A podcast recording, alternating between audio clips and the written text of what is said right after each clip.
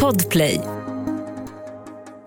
Live från Studio 1 i Stockholm, Studio 2 i Malmö och Del Hombre Blanco Stampas bar i Madrid. Vi ger er D-Daily Messiah, ditt nyhetsflöde med mig, Messiah Hallberg. Clara Doktoro. John Wilander Lambrell. Hola John, hola.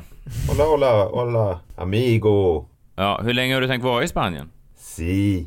Okej, ja, gud, du tappar språket snabbt. Har han redan börjat dricka? Är det inte lite tidigt för det? Ja, jag tror att... Por qué? John är ju en sån där, ska man säga, en sån eh, som, som man vet med Staffan Heimersson och såna här, den här lite äldre tidens utrikeskorrar som då eh, kombinerade eh, utrikesjournalistik med ett intensivt drickande. Jag tror att det är lite det som är Johns nisch. Ja. Ja, mer fokus på det ena än, än på det andra.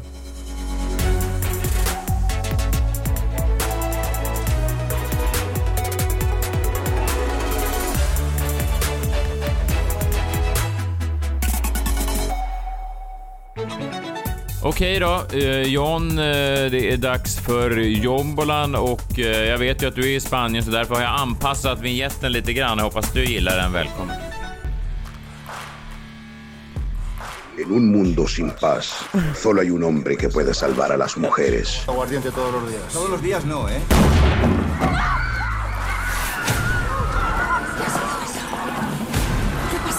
John Vilander Lambrell es John Vilander Lambrell.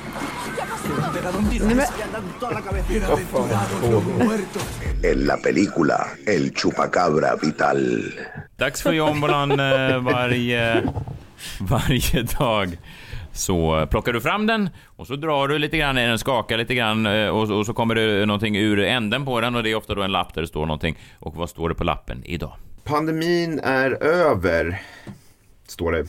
Vad spännande. Nej men eh, Anders Tegnell meddelade ju nyligen att han slutar som statsepidemiolog på eh, Folkhälsomyndigheten och han har ju tidigare sagt att jag kommer inte sluta så länge det pågår en pandemi. Men då kan man inte dra någon annan slutsats av att han nu slutar än att pandemin är över. Eller hur? Ja, Det blir i alla fall någon slags paradigmskifte, så är det ju. Och det är också slut på de här presskonferenserna nu. ja, men han känns ju som en sån som, sku, som inte skulle lämna skeppet förrän han vet att det är safe. Så, så på så sätt så är det ju ett otroligt symbolvärde i att han tar klivet vidare nu. Att han är så här, my work here is done. Liksom, släppa micken går.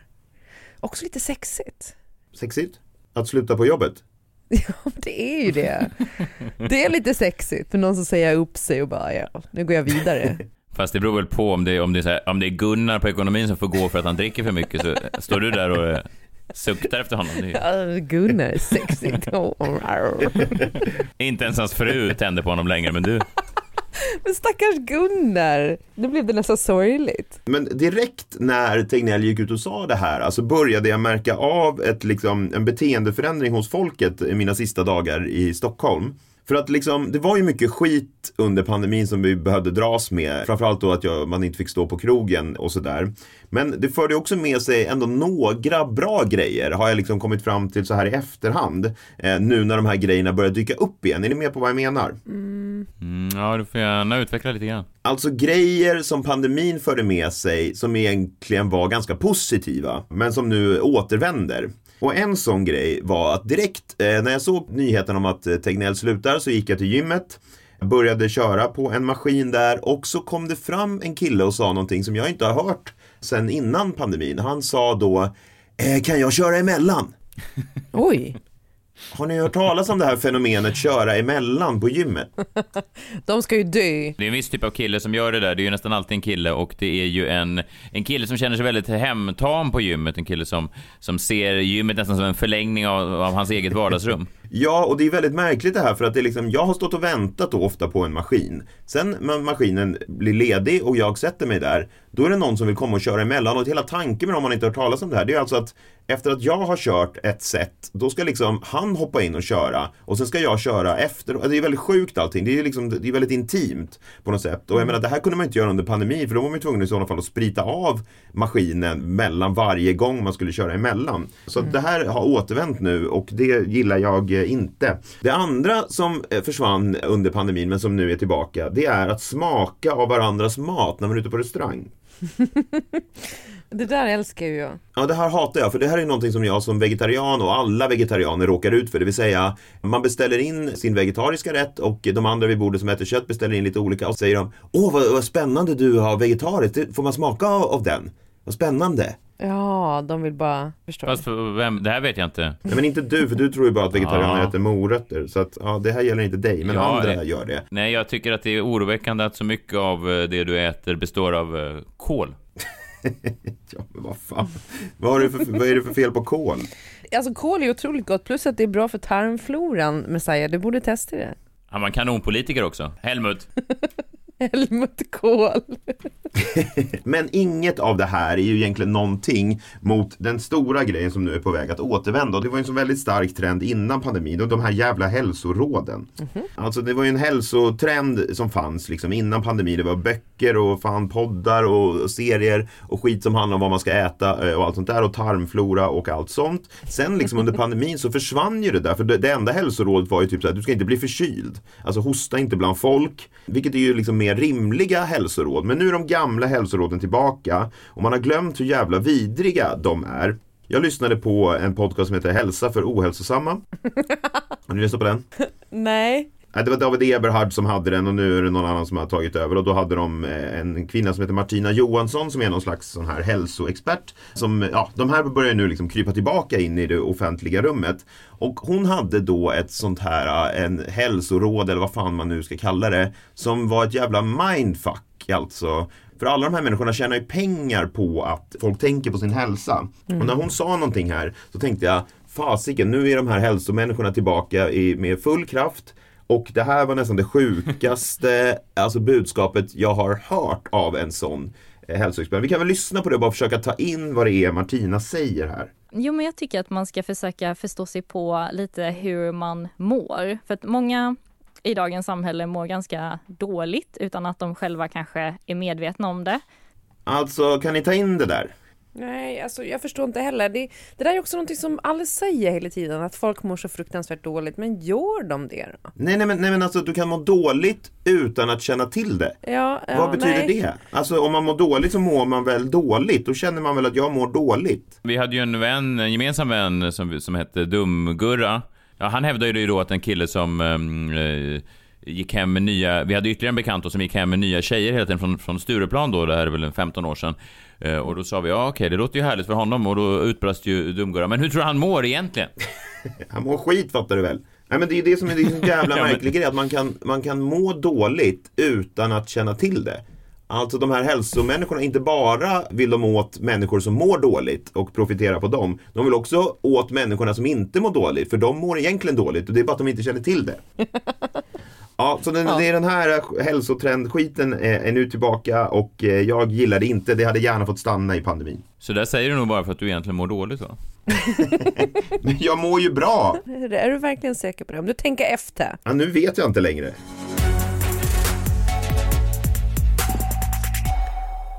Igår eh, i Messiahs minut så lovade jag att jag skulle gå igenom hela den spektakulära historien om då när eh, den kristna sångerskan Carola Häggkvist var med i Let's Dance förra året. Det var ju en väldigt spektakulär resa och nu är det så vitt jag vet då imorgon, eller idag, men det har blivit imorgon sen igår och eh, ja, då är det helt enkelt eh, dags eh, för det här.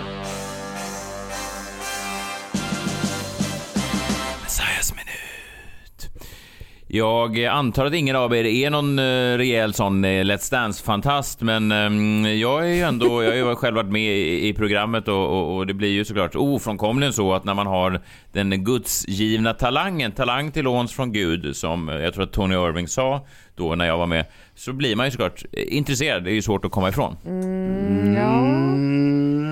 Jag tänker att du borde ändå ha haft någon, någon form av PTSD efter det där, men med tanke på hur det gick och så. Ja, det gick, det gick ju bra. Jag åkte ju, det var ju elitidrottare som åkte ut innan mig och så vidare. Så att det, det, var, det, det handlar inte om mig. Det handlar om då förra året, Carola Häggkvist var äntligen med. Och det var liksom så fokuserat på henne hela tiden. Hela det årets upplaga var liksom byggt på eh, Carola, att hon äntligen då var med efter många år av nej tack. Och det kan ju hända då att pandemin spelade in. Hon kanske inte hade kunnat ta sina julkonserter och, och göra sina julgig och sådär. Så att hon kanske behövde lite snabba cash. Vad kan hon ha fått? En miljon? Två miljoner? Ja. Eh, Båda de siffrorna är ju faktiskt rimliga. Så att eh, det, ja, det var en framgång för TV4s castingbyrå. Eh, alla de som jobbar med casting på TV4 hade råstånd hela den här säsongen och de kunde inte dölja det. Carola, jag råkar ju veta att du är ju en av de första som fick frågan när Let's Dance drog igång 2006.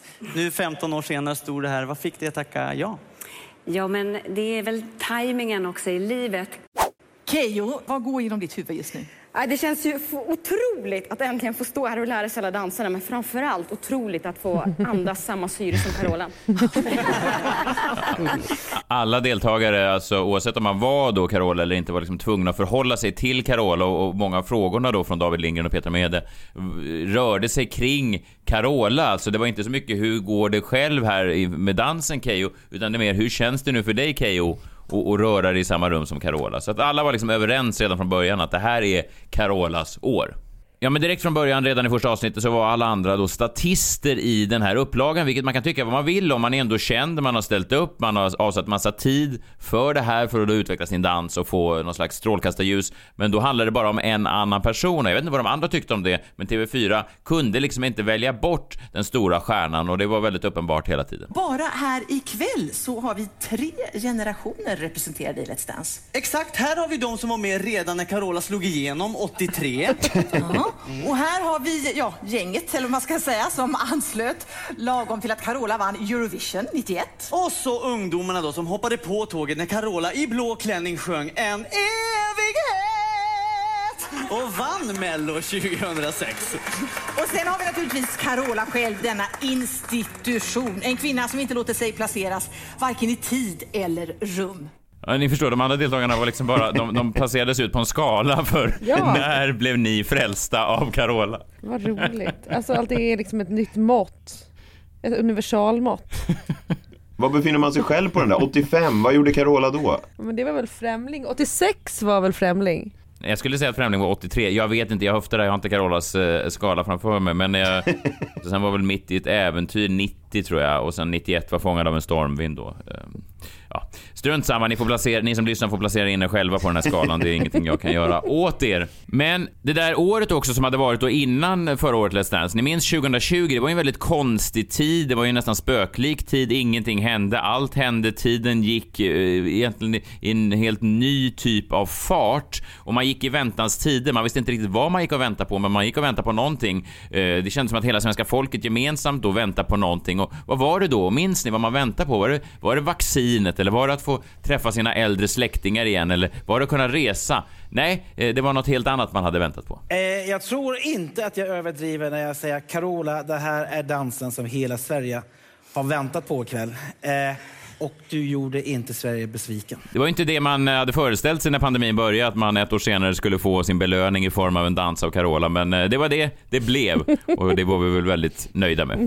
Sen då när det var dags för henne att kliva ut på dansgolvet, jag vet inte om ni hör det här nu, vi ska se, för det är ofta en, det är en liveorkester på plats, de spelar ju då musik, ja som orkester ofta gör, och då vet jag inte om, om ni märker det, att det känns som att de nästan, till och med orkestern hejade på Carola. De spelar ju då olika versioner av populära låtar, det kanske är liksom Veronica Maggios Jag kommer i någon slags bossanova-version eller du vet, Magnus Uggla, Jag dansar aldrig nykter i någon sån eh, quickstep-version. Men när Carola dansade då sin första dans förra året, så var det som att de tog i från tårna. Carola och Tobias i en tango.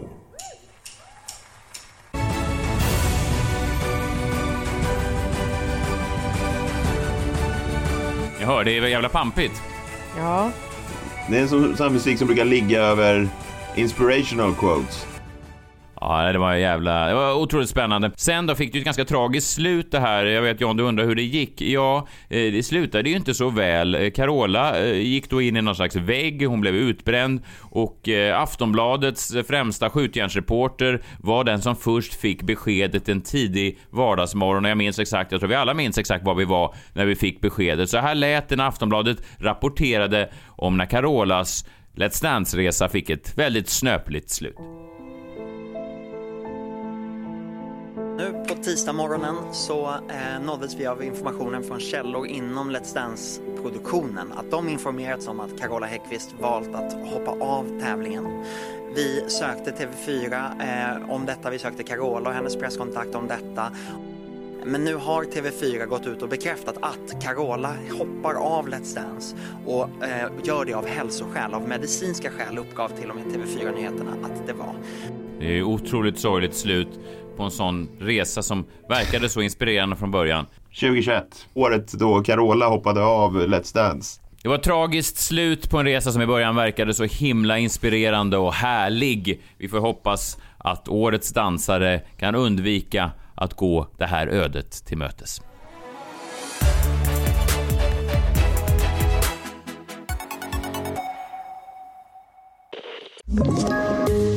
Ett poddtips från Podplay. I podden Något Kaiko garanterar östgötarna Brutti och jag, Davva, dig en stor dos skratt. Där följer jag pladask för köttätandet igen. Man är lite som en jävla vampyr. Man har fått lite blodsmak och då måste man ha mer.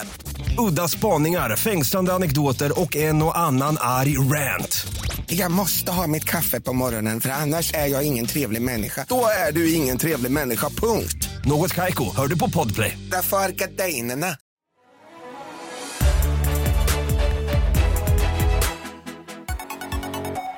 Klara Doktorov, eh, vad har du tänkt på? Nej men jag, berättade igår om den här eh, realityserien Byron Bay. som jag tittar på. En annan serie som jag börjar titta på nu rätt mycket på morgnarna när jag går upp, det är då Wahlgrens värld, senaste säsongen. Eh, jag var ju otroligt trött här nu i veckan på att slå på Morgonstudion och Nyhetsmorgon för att det har varit otroligt tungt kring krigsrapporteringen och framförallt nu när de har bomber liksom, eh, det, det här sjukhuset och det här BB avdelningen och förlossningen och sådär. Det, det, det ligger liksom lite för nära när man själv har fått barn. Så nu häromdagen då så gick jag upp med min dotter Betty och så slog vi på tvn och satte på Wahlgrens värld, nya säsongen, avsnitt ett. Och då kom vi rätt in i den här diskussionen. Vad var det jag skulle säga? Säg inget sånt där nu. Nej, jag alltså, tänker jag, kan, jag, jag kan inte ens lyssna på din podd längre. Nej, men- För att det är så här, nu har vi hört i 22 avsnitt att du har sex. Vi fattar. Det var ju du som började. Du outade Jo mig men alltså först. en, någon Min mamma jävla haft sex. fucking måtta får det vara alltså. Nej men alltså jag, jag ångrar ju alla år nu som jag har suttit och sagt att hon måste få ligga och att jag har varit så taggad för det för att uh, alltså hon tror ju att ingen annan i världen någonsin har haft sex förutom hon och Christian. Men nu måste du faktiskt sluta. Alltså varenda story är en sån här, hur får man vara så här lycklig? Alltså, Vill du höra det värsta då? Jag har ju lite så här bildpost på Instagram. Mm. Och det är någon som har skrivit så här. Jättekul för dig, eller er att ni är nykära och allting, men jag bor granne med er. Och jag hör er på nätterna. Att en granne har hört. Usch vad äckligt. Och, och, och skriker han också så Ja, de är bara där borta och skriker högt tiden. Så blir så jävla äcklad alltså. nej jag tycker du får faktiskt sluta nu. Med sex? Och förlåt mig, men vem stönar så högt alltså? Så jävla skönt är inte sex faktiskt. Man tror ju att man ska vara lite fredad och tänka Wahlgrens värld, hur farligt kan det vara? De liksom kanske åker och tittar på några möbler eller något sånt där. Och så, och så går man liksom från kriget i Ukraina, slår på det här och hamnar mitt i Pernillas fucking knullresa till eh, Mallorca med sin nya kille. Och hon har då till och med liksom sår på knäna och plåster för att hon har då knullat sig till eh, trasiga knän. Nu vill jag inte vara, jag vill inte vara sån, eh, men hur, alltså varför är hon, eller vad, vad gör hon på knä? Alltså hon, Vadå, du har... Det är klart att man kan ha sex på knäna som kvinna, eller? Du har, aldrig, har, har du hört talas om doggy style? Har du det? ja, ja, ja jo, jo, nu, nu ringer en klocka, nu ringer en klocka, men, eh, men, eh, Ja, men... En vag klocka. Men då är, jag såg faktiskt nu när jag var på semester, jag vet inte om du vet det John, jag var på semester i Egypten, då såg jag eh, två eh, katter som hade sex i, i doggy style. Det är din relation till Doggy Style. Två Ja. katter i Egypten. Nej, inte bara. Det är inte riktigt samma sak. Katter går på fyra ben, människor går på två ben och så vidare. Det skulle jag behövt veta för många år sedan kan jag säga. Men det jag skulle säga då var att eh, jag sitter där och jag har min tioåring med mig och inser att så här, eh, krigets eh, Ukraina kanske hade varit att föredra den här morgonen för det som händer sen är ju att då Betty börjar ställa frågor om sex. Och jag har alltid haft den här policyn att jag ska liksom inte eh, ljuga för mina barn. Jag har ljugit lite för Sam. Han är, han är så pass liten ännu så jag kan ha sagt att om han tar fler vitaminbjörnar per dag så kommer hans mun att explodera. För han vägrar liksom ta ett nej. Det, du får inte ta en till vitaminbjörn. Det kan vara dåligt för kroppen och så vidare. Men med Betty och sådana sexgrejer och sånt där så kan jag liksom inte riktigt ljuga. Så jag var ju tvungen att förklara för henne. Nej, Pernilla Wahlgren har inte sex för att hon vill bli gravid. Man kan som vuxen ha sex fast att man inte vill bli gravid. Bara för att man tycker att det är lite skönt. Och då kommer följdfrågan. Men vad är det som gör att det blir skönt? Och så måste jag förklara begreppet orgasm och vad det är för någonting. Och sen så det blir liksom bara Fast så här, det behövde du ju inte riktigt. vad skulle jag säga då? Alltså, nej men man kan väl bara lämna att det är skönt. Alltså, det, man behöver inte gå in i, i detalj. Jag minns en, en kille som heter Micke som gick i mitt lågstadie. Han var ju, när man ser tillbaka ibland på vissa sådana här eh, bekanta man har haft. Han, han var ju 7-8 år och han brukade då ta sig in i tjejernas omklädningsrum och liksom lägga sig och jucka på dem. Och, och det här var ju då många år innan... Det här var innan metoo. Ja, det får man ju säga ganska många år innan. För jag, jag minns att lärarna bara liksom var så här, eh, Micke, det där är icke okej. Och sen var det över liksom hans olika då, övergrepp i olika omklädningsrum. Och då minns jag att han läxades upp av en, en nioåring som gick i skolan också, som hette Jessica. Det var en jävligt lillgammal skola jag gick på mitt inne i Vasastan i Stockholm. Verkligen. Hon försökte då förklara för eh, Micke att så där kan man inte bete sig. Eh, Hon var alltså då mer vuxen än lärarna och så sa hon Micke, eh, när du blir lite större så kommer du vilja ha sex med eh, andra människor och det är så skönt så det är skönare än någonting du kan föreställa dig. Och jag stod där och var sju år och bara okej, ja men jävla... Jag vet inte vad som, jag, jag, jag vet inte vad som pågick. Så här, efterhand har jag många frågor kring det här. Ja, men eh, det var min första, liksom, det var min första introduktion till sex. Ja, okej. Nej, på den nivån pratade jag inte om det. Jag sa liksom det med när man blir äldre så, så kan man tycka att det är liksom skönt och så härligt och så. Det är någonting vuxna typ gör med varandra och så och man kan göra det även om man inte vill göra det när barn. Men det är en så fruktansvärd jobbig grej och sen efteråt så var jag tvungen att skicka ett sms till hennes pappa och han är ju inte en person som gärna pratar om sex. Så jag var lite såhär, jag bara, du, jag antar att det är jag som kommer få ta alla de här samtalsämnena framöver. Och han bara, absolut, tack så jättemycket. Eh, toppen att du vill göra det här. eh, så att ja, eh, det blev lite tidigare än vad jag kanske hade tänkt mig. Och tack som fan Pernilla Wahlgren och din jävla knullsemester. Alltså jag säger som Bianca, kan vi inte bara få slippa höra? Okej. Vet du vad Klara, vet du vad jag gör? Jag räddar dig i den här situationen. Jag ska försöka få fram numret till Jessica. Hon måste ju vara en, eh, ja, en 40-årig idag. Hon måste ju blivit ännu bättre på att lära ut om sex än vad hon var då. Hon kan förklara för dig hur det är att ha sex på knä. Allt jag minns var att hon hade stora glasögon på sig. Hur svårt kan det vara att hitta? Leta efter glasögonen bara. Det är i och för sig en konstigt inslag i Efterlyst, men...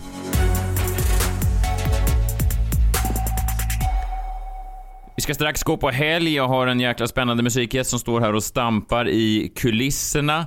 Eh, jag vill bara få lite, eh, vad ska man säga, återupprättelse. Jag vet att speciellt du då, Klara, förra veckan hånade då mina mexikanska matkunskaper. Eh, Jag hade ju då i, i mina tassos, jag äter ju, varje fredag äter jag ju då mexikanska delikatessen tassos och, och så har jag ett nytt tillbehör varje, varje vecka. Mm. Och förra veckan då så hade jag ner lite vaniljstång i, i köttfärsen, om du minns det. Fan vad vidrigt. Nej, verkligen inte. För att då har Amanda Ling hört av sig på vår Instagram, at the Daily Messiah. Eh, hon skriver här jag jobbade tidigare på en mexikansk restaurang och vi använde ofta just vaniljstång i vår mat. Bland annat gjorde vi en riktig chiligryta där vår mest prisvinnande ingrediens var just vaniljstång. För kännedom till Klara och de andra puckosarna. Klart slut. Ja. Tack Amanda eh, för att du hör av dig. Ja, men, Mm, nej, jag, jag, köp, Eh, jag köper inte ja. det där. Nej, jag köper inte det där. För att det är Nej. skillnad på att göra Nej. en, en sån här gryta och att du står hemma och steker din ICA-färs med lite vaniljstång. Ja, I rest my case. Det är så gott med tassos i alla dess smaker En miljon tassos och en miljon smaker Messiah testar alla tassos som finns Hej! Hej, hej, hej! Det är fredag, det är den 18 mars och idag ska jag göra någonting nytt. Jag ska då ta ett tips från en av våra lyssnare. Det är så kul då när de hörde till exempel om vaniljstången förra veckan. Så det är många som hör av sig. Har ni någon egen spännande kryddning på era tassos? Ja, Rebecka Wendersten hörde av sig till eh, vår eh, Instagram och hon skriver det här är fantastiskt, det här måste ni prova. Ni ska då in med en nachotallrik i ugnen. Nachos, det är kanske inte många i Sverige som känner till. Det är de här, de ser ut som chips egentligen. De är lite hårdare sådär. Eh, och så är det eh, ost på och så vidare. Och det man ska ha på då, säger Rebecca, det är alltså lakritspulver. Man ska då eh, strö ut lakritspulver över ostnachosarna, in i ugnen, en snilleblixt på fyllan som efter tio år fortfarande är hennes egen specialitet. Så vi tackar Rebecca. Idag, då, denna fredag, har vi på våra tassos lakritspulver. Där har ni det! Det är så gott med tassos i alla dess smaker En miljon tassos och en miljon smaker Messiah testar alla tassos som finns Hej! Spännande. Under alla mina resor då till eh, Mexiko och Latinamerika så har jag faktiskt aldrig sett just eh, lakritspulver. Det är ju jäkla spännande och det är, det är väldigt roligt. Det är väldigt, väldigt roligt. En snabb, snabb fråga bara. Mm, Har du varit någon gång i Mellan eller Sydamerika? Verkligen. Många gånger. Många, många. Nej, du har aldrig varit där! Varje fredag. Det har jag visst det. Nej, men jag är i, i, i sinnet varje fredag. Men eh, Klara ringer några klockor om jag säger Cancun. ringer några klockor om jag säger om jag säger Illicis och så. Ringer några klockor om jag säger Elasto del Patunos. En liten, liten ö där faktiskt tortillabrödet en gång uppfanns. Där var jag eh, en gång 2007. Nu räcker det. Vi eh, hörs, nu står han, nu står han och stampar. Eh, Det är Andreas Jonsson som är här i studion. Han ska spela en specialversion av Rebecca Blacks Friday. Han skickar in oss i helgen. Tack för att ni har lyssnat. Vi älskar er. Vi hörs igen på måndag. Hej, hej! Hej! Hej! Friday, Friday, gotta get down on Friday. Everybody's looking forward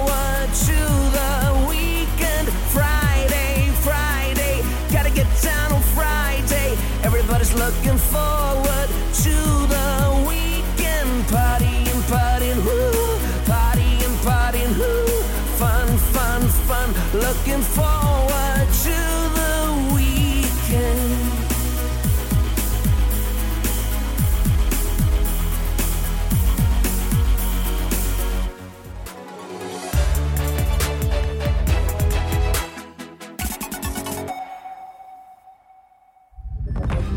Podplay, en del av Power Media. Ett poddtips från Podplay. I podden Något Kaiko garanterar östgötarna Brutti och jag, Davva, dig en stor dos skratt. Där följer jag pladask för köttätandet igen. Man är lite som en jävla vampyr. Man har fått lite blodsmak och då måste man ha mer. Udda spaningar, fängslande anekdoter och en och annan arg rant. Jag måste ha mitt kaffe på morgonen för annars är jag ingen trevlig människa. Då är du ingen trevlig människa, punkt. Något Kaiko, hör du på Podplay. Därför arkadeinerna.